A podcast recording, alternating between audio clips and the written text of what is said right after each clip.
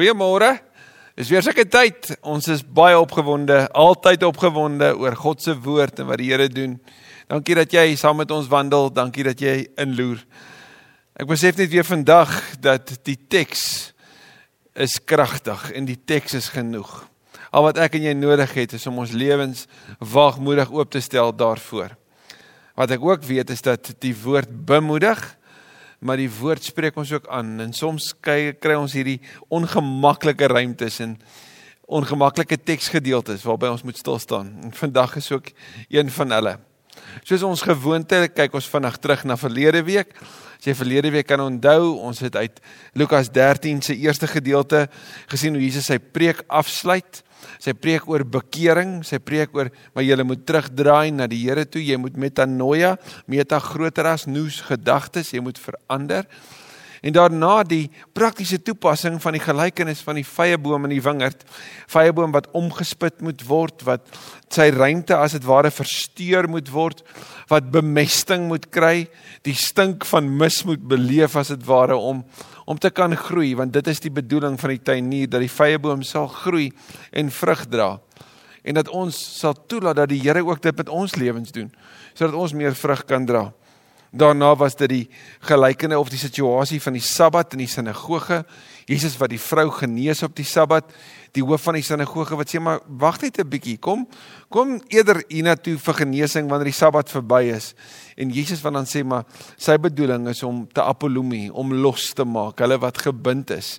Soos wat diere gebind is, vrygemaak word op die Sabbat losgemaak word om vry te kan beweeg want hulle het behoeftes Soos Jesus, maar hy is daar om gesond te maak ook op die Sabbat al pas dit nie binne die Joodse wettiese godsdienstige reëls van daai tyd nie. Vandag gaan ons verder kyk, maar voordat ons verder wandel met Lukas 13, kom ons bid saam. Here, dankie vir die woord. Dankie vir hierdie oomblik. Ons kan nooit die die tye wat ons het om om u woord in te drink en in te neem, ons kan dit nooit van selfsprekend net aanvaar en aanneem nie. Ons waardeer dit so. Maar Here, ons weet ook u woord is gevaarlik want dit bring ons by ongemaklike plekke. Dit spreek ons aan en dit kom krap maar hier binne om. Dit bring na vore dit wat donker is in ons lewe en en dit bring ons by 'n plek van bevryding want ons kan bely en ons kan gesond word, genees word. Ons kan hoop kry, lewende hoop wat nooit eindig nie. Wil jy asseblief so aan die woord wees vandag in ons lewe dat op die plek waar ons elkeen is wat so verskillend is dat U ons sal ontmoet op daai plek want dis U genadige handeling ook so in ons lewe. Praat daarom Here in Jesus se naam. Amen. Die gelykenis van die mosterdsaadjie en die suurdeeg is die opskrif van Lukas 13 se tweede gedeelte vers 18 sê Jesus het gesê: "Hoe is die koninkryk van God? Waarmee kan ek dit vergelyk?" As jy Jesus was, hoe sou jy hiermee begin het as dit nou jy was? Ek bedoel as jy 'n koninkryk sou beskryf, sou jy dit beskryf as 'n militêre mag? Sou jy kon sê die koninkryk van God bestaan uit 'n legioen engele? Michael die groot strydvoerder daarvoor. En hierdie hierdie legioen word op 'n sekere manier aan mekaar gesit vir oorlog. En die koning daar agter met sy strydwa. Wel, is dit waarmee jy dit sou vergelyk? Dit hoe ek en jy dit sou beskryf? Sou ons woorde van mag en politieke bestel van van wette en van 'n sekere optrede wat van jou verwag word. Sou ons dit so beskryf want dis mos maar hoe 'n koninkryk moet wees, nie waar nie? Waarmee beskryf Jesus die koninkryk? Hy beskryf dit in die kleinste vorms. Dit is belangrik dat dit beelde is van sy dag. Dit is belangrik dat ons iets daarin moet leer dat wanneer ons ook oor die evangelie met mense praat, ons regtig gebruik kan maak en moet maak van die beelde van ons dag. Want dit breek waarhede oop wat mense kan verstaan en jy kan assosieer. Jesus gebruik twee beelde hier. Hy sê eerstens dit is soos 'n mosterdsaadjie wat iemand gevat en in sy tuin geplant het. Dit het gegroei en 'n boom geword. 'n Mosterdsaadjie. Hierdie bitter klein saadjie soos meeste saad maar is, maar dit word hierdie geweldige groot 3 meter hoë boom word 'n boom wat wat wat daar is vir ander om te sien. Hierdie klein saadjie, die potensiaal om uitermate te groei en as jy kyk na die klein waarmee dit begin en die einde, die die die die verhouding, die eksponensiële groei, is dit wat tog hier per aanduiding is. Dis iemand, 'n eienaar wat dit gevat en geplant het, net soos die eienaar die vyeboom gevat en in die wingerd daar in die goeie grond geplant het. Is hierdie nou 'n eienaar wat die saadjie vat en dit plant en dit word 'n boom en die voëls het in sy takke kom nes maak. Hierdie klein saadjie met al die potensiaal word 'n boom verander om in te kan kom nes maak. 'n Ander manier om hierna te kyk is om te sê die koninkryk van God is ook goed vir die natuur. So daar waar die koninkryk van God kom, kan selfs die diere dit beleef. Iemand het eendag die vraag gevra. So jy sê jy het tot bekering gekom. Weet jou hond dit? Iets van my optrede wat moet sigbaar wees ook daar. Maar as ons kyk na die eksponensiële groei van die kerk, weet jy dat in die eerste 300 jaar vanaf die opstanding het die het die beweging van die Christendom so gegroei soos nog geen ander beweging in die in die geskiedenis van tyd nie. Nog nooit tevore het iets van so klein na so groot in so kort tyd gegroei nie. En weet jy wat? Dit groei nog steeds. Die koninkryk is steeds aan die groei. Dis nie ingekrimp wat beperk moet word en voor net beklein moet word om dit te kan bewaar nie. Nee, die koninkryk van God kom want is God se koninkryk en God is aan die werk. 'n Mosterdsaadjie wat 'n boom word. Verder het hy gesê, "Waarmee kan ek die koninkryk van God vergelyk?" Dit is so suurdeeg wat 'n vrou geneem en in 20 kg meel ingewerk het totdat dit heeltemal deursuur is. Jesus verwys hier nie na 'n bakkery nie. Hy het nie hier die gedagte van van een van die groot bakkerye waar wanneer jy instap dan kan jy 'n massa klomp meel daar kry nie. Hy praat van 'n vroutjie, 'n Galileese vroutjie wat in haar huis aan die bak is. So in hierdie geval is is 20 kg eh, meel tog so baie. Sy kan vir 100 mense brood bak en en hulle daarmee voed. So dis geweldig baie en 'n klein bietjie gaan hier in en die suurdeeg in hierdie geval gebruik Jesus die die suurdeeg in 'n positiewe vorm. In die verlede het hy gesê pas op vir die suurdeeg van die fariseërs want 'n klein bietjie suurdeeg deurwerk alles wat dit tref. Nou gebruik hy suurdeeg in 'n positiewe sin wanneer hy sê die suurdeeg gaan so in die meel in en daai hy klein bietjie suurdeeg gaan die hele 20 kg meel beïnvloed en verander dit deur suur. So ek en jy kan dit op 'n baie positiewe manier hierna kyk wanneer Jesus na die koninkryk verwys want hy sê dis 'n dis 'n beweging van groei. So eerstens is dit 'n beweging na buite, 'n boom wat wat geplant word en groter word. Tweedens is dit 'n beweging na binne. Want suurdeeg werk in en die koninkryk se werk in jou en my lewe is na binne. As ek en jy dink aan 'n teksgedeelte soos Kolossense 3 vers 10 wat sê ek word al hoe meer verander na die beeld van Christus toe, dan beteken dit dat die koninkryk al hoe meer bes, beslag neem van my. Dit neem my in besit. En en wanneer die koninkryk aan die werk in my lewe is, dan gaan ek al hoe meer word soos die koning van sy ryk. Want dis die mag en die werk van die koninkryk. Vers 22 Terwyl Jesus op pad was Jerusalem toe, onthou, hy's doelgerig op pad. Dit is sy missie. Dit is sy plan. Dit is waartoe hy gaan. Dis waar hy sy offer gaan bring terwyl hy op pad is Jerusalem toe, het hy deur die stede en dorpe gegaan en oral die mense geleer. Jesus het nie 'n oomblik onsien om nie te stop en vir iemand iets te leer, veral hulle wat gevra het nie. Die hele tyd is hy besig om hierdie kosbare waarhede oop te breek vir ander. Toe vra iemand vir hom: "Here, is die wat gered word maar min?" Dis 'n interessante vraag. Want sien, dis waarskynlik 'n Jood wat dit vra. En sy vraag is eintlik 'n stelling om te sê Here, is ons wat gered word maar min.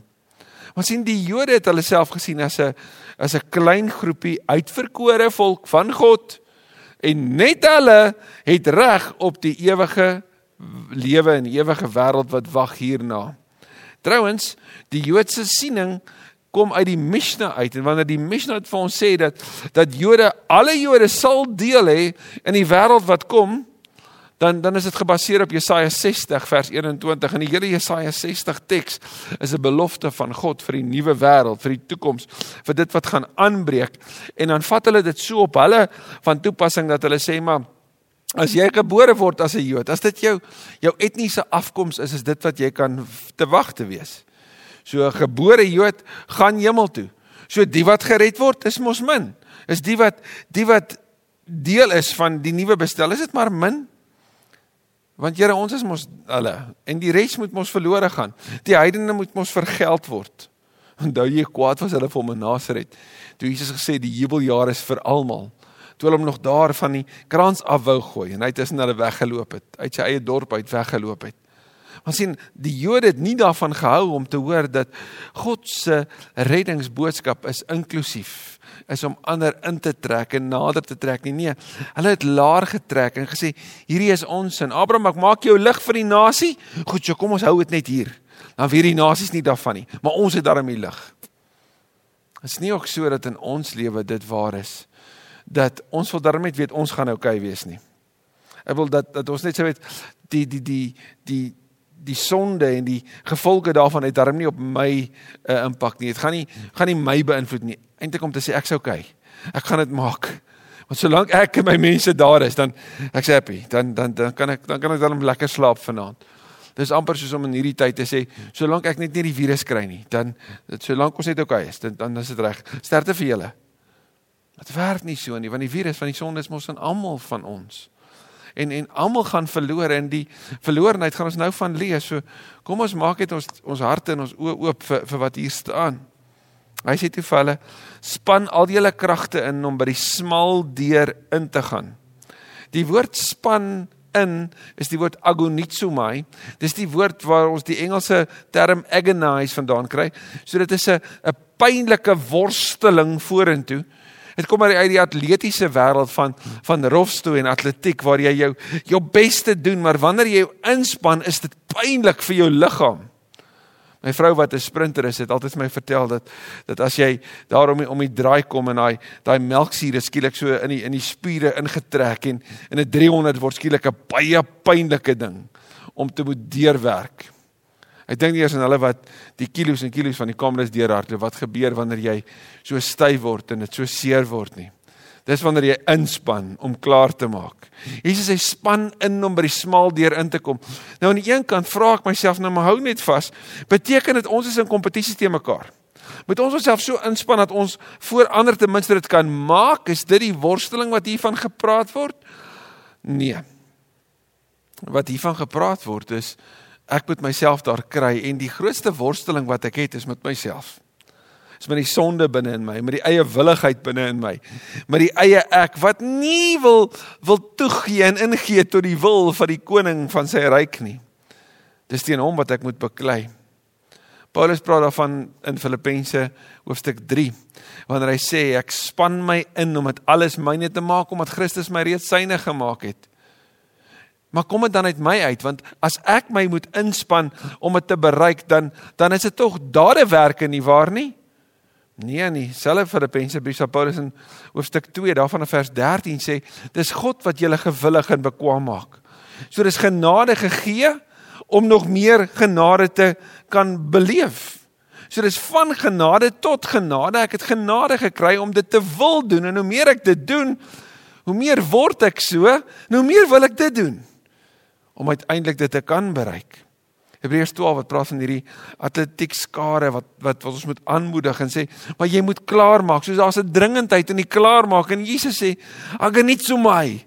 Agonize. Span jouself in om dit alles joune te maak." Dan is my vraag net as ek by die smaal deur aankom, wat wag vir my? Wie is aan die ander kant? Hierdie is die beeld van 'n van 'n huis daar uit Galilea uit wanneer iemand sou aankom en en die deur oopgemaak kan word en jy ingenooi word deur die gasheer, deur die eienaar van die huis. Hierdie beeld van die eienaar wat die heeltyd gebruik word deur Jesus. Baie verseker ek julle sal probeer om in te gaan, maar sal dit nie reg kry nie. Onthou julle ons het verlede week gepraat van 2 Petrus 3 vers 9 wat sê dat God se wil is nie dat enige iemand verlore gaan nie. Hy wil hê dat almal gered moet word. So waaroor praat Jesus hier? Baie sal probeer, maar dit nie maak nie. Waaroor gaan dit? Ek wil dit is 'n negatiewe siening hierdie, nie waar nie? Die belangrike hiervan is Jesus het op daai stadium baie gehad wat saam met hom gestap het, maar min volgelinge. Jy sou kon sê hy het baie fans gehad, maar min followers. Dis vandag ook so. baie hou van die boodskap van Jesus, maar min volg hom regtig. Min volg hom tot die dood toe. Min volg hom so wyse dat hulle sal sê ek sal my alles gee. Ek is so toegewyd aan die Here. Dit gaan vir my regtig bo alles net oor hom. Want dis wat God se bedoeling vir ons almal is. Want die die Here is goed. Aan sy liefde is daar geen einde nie en hy wil hê ons moet ons moet hom volg. Maar Jesus sê is baie begin die die wedloop van geloof. Maar min maak klaar. So span jou in om by die smal deur uit te kom, daar by die eindstreep. Want jy weet nie wanneer dit gaan wees nie. John Piper sê the phrase strive to enter means that you're entering a battle. As ek myself inspann om by dit uit te kom, moet ek weet daar's 'n worsteling wat vir my voorlê.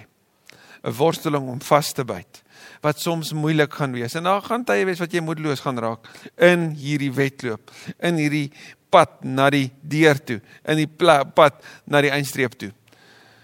Maar dit is so die moeite werd dat jy dit nie kan uitmis daarop nie. Vers 25 as die eienaar van die huis eers opgestaan en die deur toegesluit het en dan draai Jesus na die mense om hom toe sal julle buite staan en aan die deur begin klop en roep: Here, maak vir ons oop. Maar hy sal antwoord: Ek weet nie waar julle vandaan kom nie. Die hartse realiteit. Ek weet nie waar julle vandaan kom nie. Nou wat het Jesus in Johannes 14 vers 6 gesê? Ek is die weg, die hodos, die waarheid en die lewe. So as jy nie op 'n ander weg volg nie, gaan jy nie kan inkom nie. As jy 'n ander pad stap, gaan jy nie kan inkom nie. As jy te laat daar aankom, gaan jy nie kan inkom nie. Willem Hendriksen skryf daaroor: Die Here wat ons innooi en sê, hierdie is vir jou. Jy word genooi na die feesmaal toe. Jy word genooi na die huis van die Vader toe. Is ook die Here wat die reg het om te sê jy het nie gekom nie, die tyd is verby. So terwyl daar vandag is. So dis 'n genadige oproep om te sê gryp hierdie dag aan, gryp hierdie oomblik aan die oomblik om reg te maak met die Here. Vers 26 dan sal julle sê ons het saam met u geëet en gedrink en op ons strate het u die mense geleer. Hoor jy dit klink soos die fariseërs en dis met wie Jesus praat. Die die fariseërs aan wie se huise Jesus gaan eet het. En daar terwyl hy geëet het sou hulle vir hom vra maar waarom was hy nie u hande soos soos ons gebruik is nie?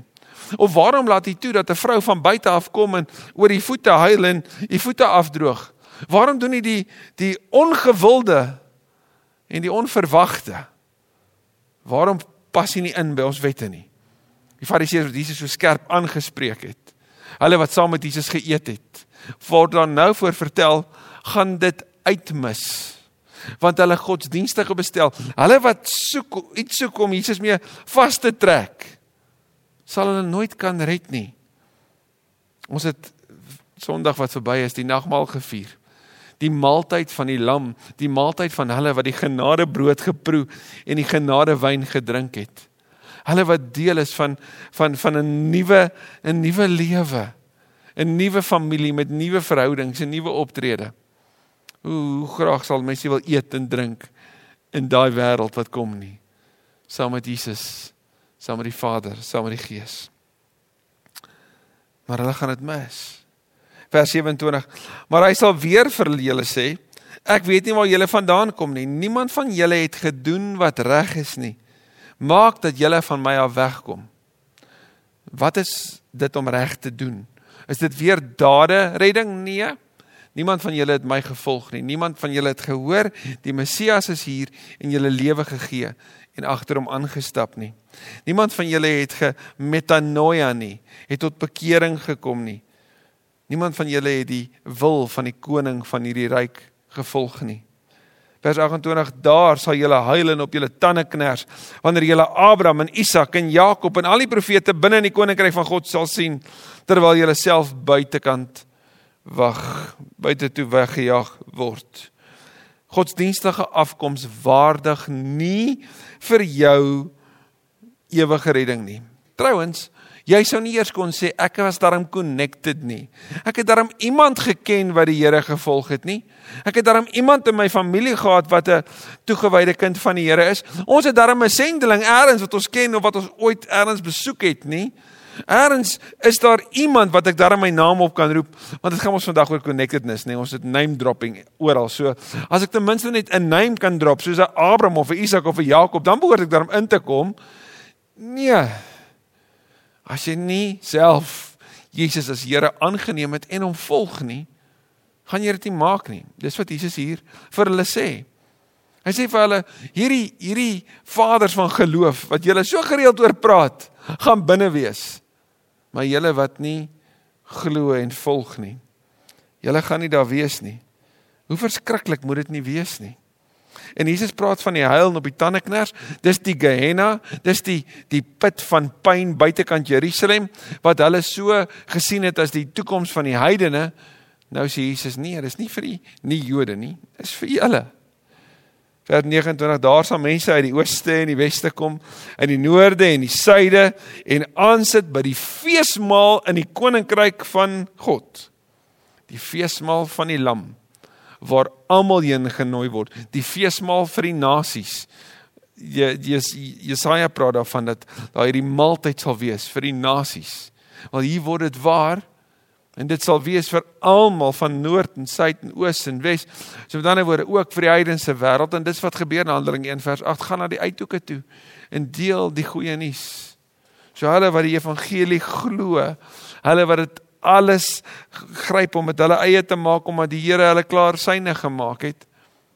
As hulle wat 'n maaltyd het wat wag wanneer die deur oopgaan en die gasheer sê kom sit aan, ek wil julle bedien.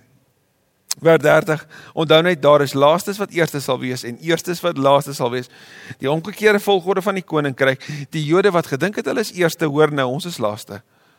En hulle wat ons in ons oë laaste is, is eerste.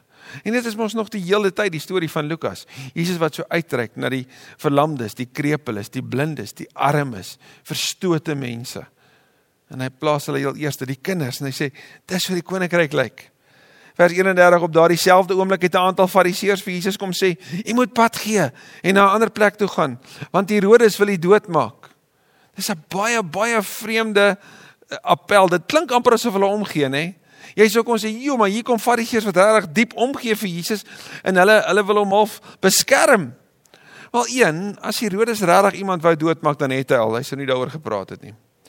'n koning van daai tyd sal nie dink of wonder nie. Hy sal dit laat gebeur. Hy sal praat en is klaar. Hy sal nie eers rondloop en sê ek dink ek wil dalk Jesus doodmaak nie. Hierdie is Herodes Antipas, die seun van Herodes die Grote. Herodes die Grote wat sy wat vir Jesus wou doodmaak. En nou is dit weer Antipas wat soos sy pa optree, die vrede Antipas. So die Jode was bang vir hom. Maar gaan dit oor oor dit of is dit die Fariseërs wat steeds besig is om 'n plan bymekaar te maak oor hoe hulle Jesus uit die weg sal kan ruim? Dis natuurlik deel 2 nê. Hierdie tweede deel van hulle te plan. So die belangrike is hulle moet Jesus uit Galilea uitkry. Hulle moet hom Jerusalem toe kry sodat hy daar gevange geneem kan word en in die nag verhoor kan word. Maar hy sê vir hulle, hoor nou hier, die koning van sy ryk die koning wat die koninkryk van God aangekondig het. Hoor wat sê hy vir vir hulle oor hierdie Herodes. Gaan sê vir daardie jakkals, kyk, vandag en môre dryf ek nog bose geeste uit en maak ek mense gesond. Maar op die derde dag sal my werk klaar, sal ek my werk klaar maak. Aan die een kant, jy hoor die verwysing of die vooruitskatting na die Sondag toe wanneer die werk klaar is, wanneer die koning van die konings opstaan, die dood oorwin en en die wêreld instap, die triomfator, groot oorwinnaar. Maar aan die ander kant, hoor wat hy sê. Hy sê vir vir Herodes, ek's nog besig met my werk. Jy gaan dit nie stuit nie. My werk is hierdie jubeljaar, Lukas 4, die die genesing van die blindes en en die, en die krepeles en en die herstel van sig aan aan hulle en en natuurlik ook die die verlossing vir die armes, die goeie nuus. Goeie nuus vir almal. Die jubeljaar. Ek is besig daarmee maar hy noem hierdie hierdie magtige Herodes noem hy jakkals. Hy het geen vrees in hom nie. Natuurlik nie, want hy's die Here. Herodes gaan hom ons nou nie intimideer nie. Hy's die Here en hy's op 'n missie en sy doel is seker, sy bestemming is vas. Vers 33 in elke geval moet ek vandag en môre en oormôre die reis voortsit want dit is ondenkbaar dat 'n profeet op 'n ander plek as in Jerusalem omkom. Jerusalem, die plek van die tempel, die plek van die offers, die die die middelpunt van die godsdiens van die Jode van daai tyd.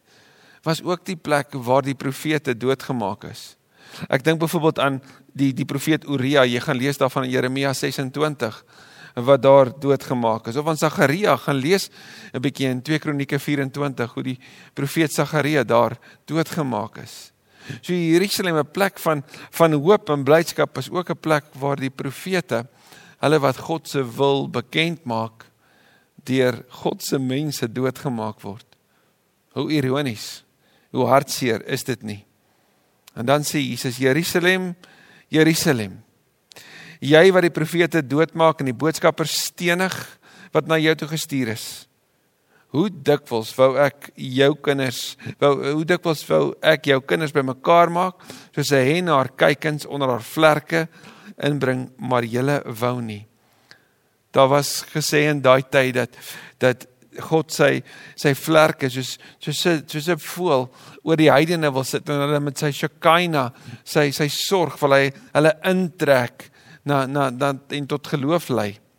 Maar hier praat Jesus oor die Jode en hy gebruik 'n pragtige beeld van sorg. Hoor mooi, dis nie 'n beeld van dreigemente nie. Dit sê hoe dikwels wil ek julle nader trek om by my te wees nie. Maar julle teen my geskop. Ek het woorde gebruik deur die profete wat ek gestuur het om julle nader te trek. Want my hart is verhouding en is naby julle wees. Maar julle het my weggestoot. Julle was teen my. Julle wou nie. So wat sal die gevolge wees as jy jou rug draai op die Here? As jy as jy sê maar ek gaan hierdie nie vat nie. Want dan kies jy mos om nie by die Here te wees nie. En dan is die einde daarvan vir jou die Gehenna. En dan sluit Lukas 13 af vers 35. Kyk, nou word julle stad aan julleself oorgelaat. So asof julle keuse en die gevolge daarvan gaan nou julle sin wees. Maar ek sê vir julle, julle sal my sekerlik nie sien nie tot die dag kom wanneer jy sal uitroep loof hom wat in die naam van die Here kom. Die Psalm 118 lied, die groot triomflied. Aan die een kant voel mense hierdie is dalk 'n verwysing na na Palm Sondag, maar in die ander ander tekste soos in Johannes byvoorbeeld is gebeur hierdie bietjie later en is eerder waarskynlik dat hierdie verwys na die parousia. Jesus se wederkoms, die die triomflied van hom wat aan die einde van tyd op die wolke kom. Ons koning wat kom om ons te kom haal. Die dag van na elke gelowige so uitsien. Jesus sê julle is maar besig met julle dinge en en is in julle hande oorgelaat. Maar daar kom 'n dag. Daar kom 'n dag wanneer julle my sal sien en wanneer julle sal besef ek is die Here. Mag ek en jy die dag aangryp, vandag aangryp om alles te doen om ons te aganitsumai, om ons te streef om by die smal deur in te kom. Mag ons beklei teen die dinge hier binne in my wat my weerhou. Nee, ek het nie nodig om in onsekerheid te leef oor my ewige tuiste nie. As ek bely dat Jesus die Here is, as ek met my hart dit glo en bely en ek weet dat God hom uit die dood opgewek het, met ander woorde dat hy leef, dan is ek gered. As Jesus my Here is, dan ken ek hom En dan sê Johannes 17 vers 3 om hom te ken is die ewige lewe. So ek het 'n ewige bestemming. Ek het 'n verhouding met hom. Hy gaan nie vir my sê gaan weg, ek weet nie wie jy is nie. Want ek leef in 'n verhouding met hom. So ek hoef nie staat te maak op my dade nie. Ek leef vanuit 'n verhouding. En mag dit dan van jou en my gesê word soos oor Dallas Horace se lewe. Toe om Dallas dood is, toe sê hulle by sy begrafnis, om Dallas het so naby aan die Here geleef. Hulle dink nie hulle hy weet al dat hy dood is nie. Hy het net voortgeleef. Mag dit waar wees van jou en van my. Kom ons bid saam. Dankie Vader hiervoor. Dankie Here dat ons vandag ook die die groot oproep, die groot waarskuwing kan hoor dat dat ons ons lewe Here volledig moet moet inspann om dit alles ons in te maak om by die by die smal deur uit te kom. Maar Here, as ek as ek dink aan die duisende bevolkingsgroepe wat nog nie van U gehoor het nie. Dan bid ek sodat terwyl ons nog vandag die kans het om met mense die goeie nuus te deel, dat ons dit sal doen. Here, die evangelie is binne die bereik van van mense wat verlore is in ons buurt, in ons straat, by die werk, by die by die winkelsentrum in die verkeer. Die evangelie is binne hulle bereik want ons is daar. So mag ons die oomblik aangryp. Maar die evangelie is nie oral binne bereik van mense nie. Daar's groepe wat wat u nie ken nie. Mag mag almal wat strategies werk na die bereiking van daai groepe en mense wat hulle lewe waag daarmee. Here mag mag hulle aangevuur word. Mag die werk van hulle hande geseën word en mag ons betrokkeheid daarbey ook geseën word sodat ons ook Here kan uitreik na hulle wat U nie ken nie terwyl dit nog vandag is. Maar begin by by my Here. Begin hier. Verander my lewe sodat ek soos Liter sal sê, ek het weer vanoggend gemetanoia. Ek het weer vanoggend tot bekering gekom. In die naam van Jesus bid ek dit. Amen. Amen. Mooi week vir jou.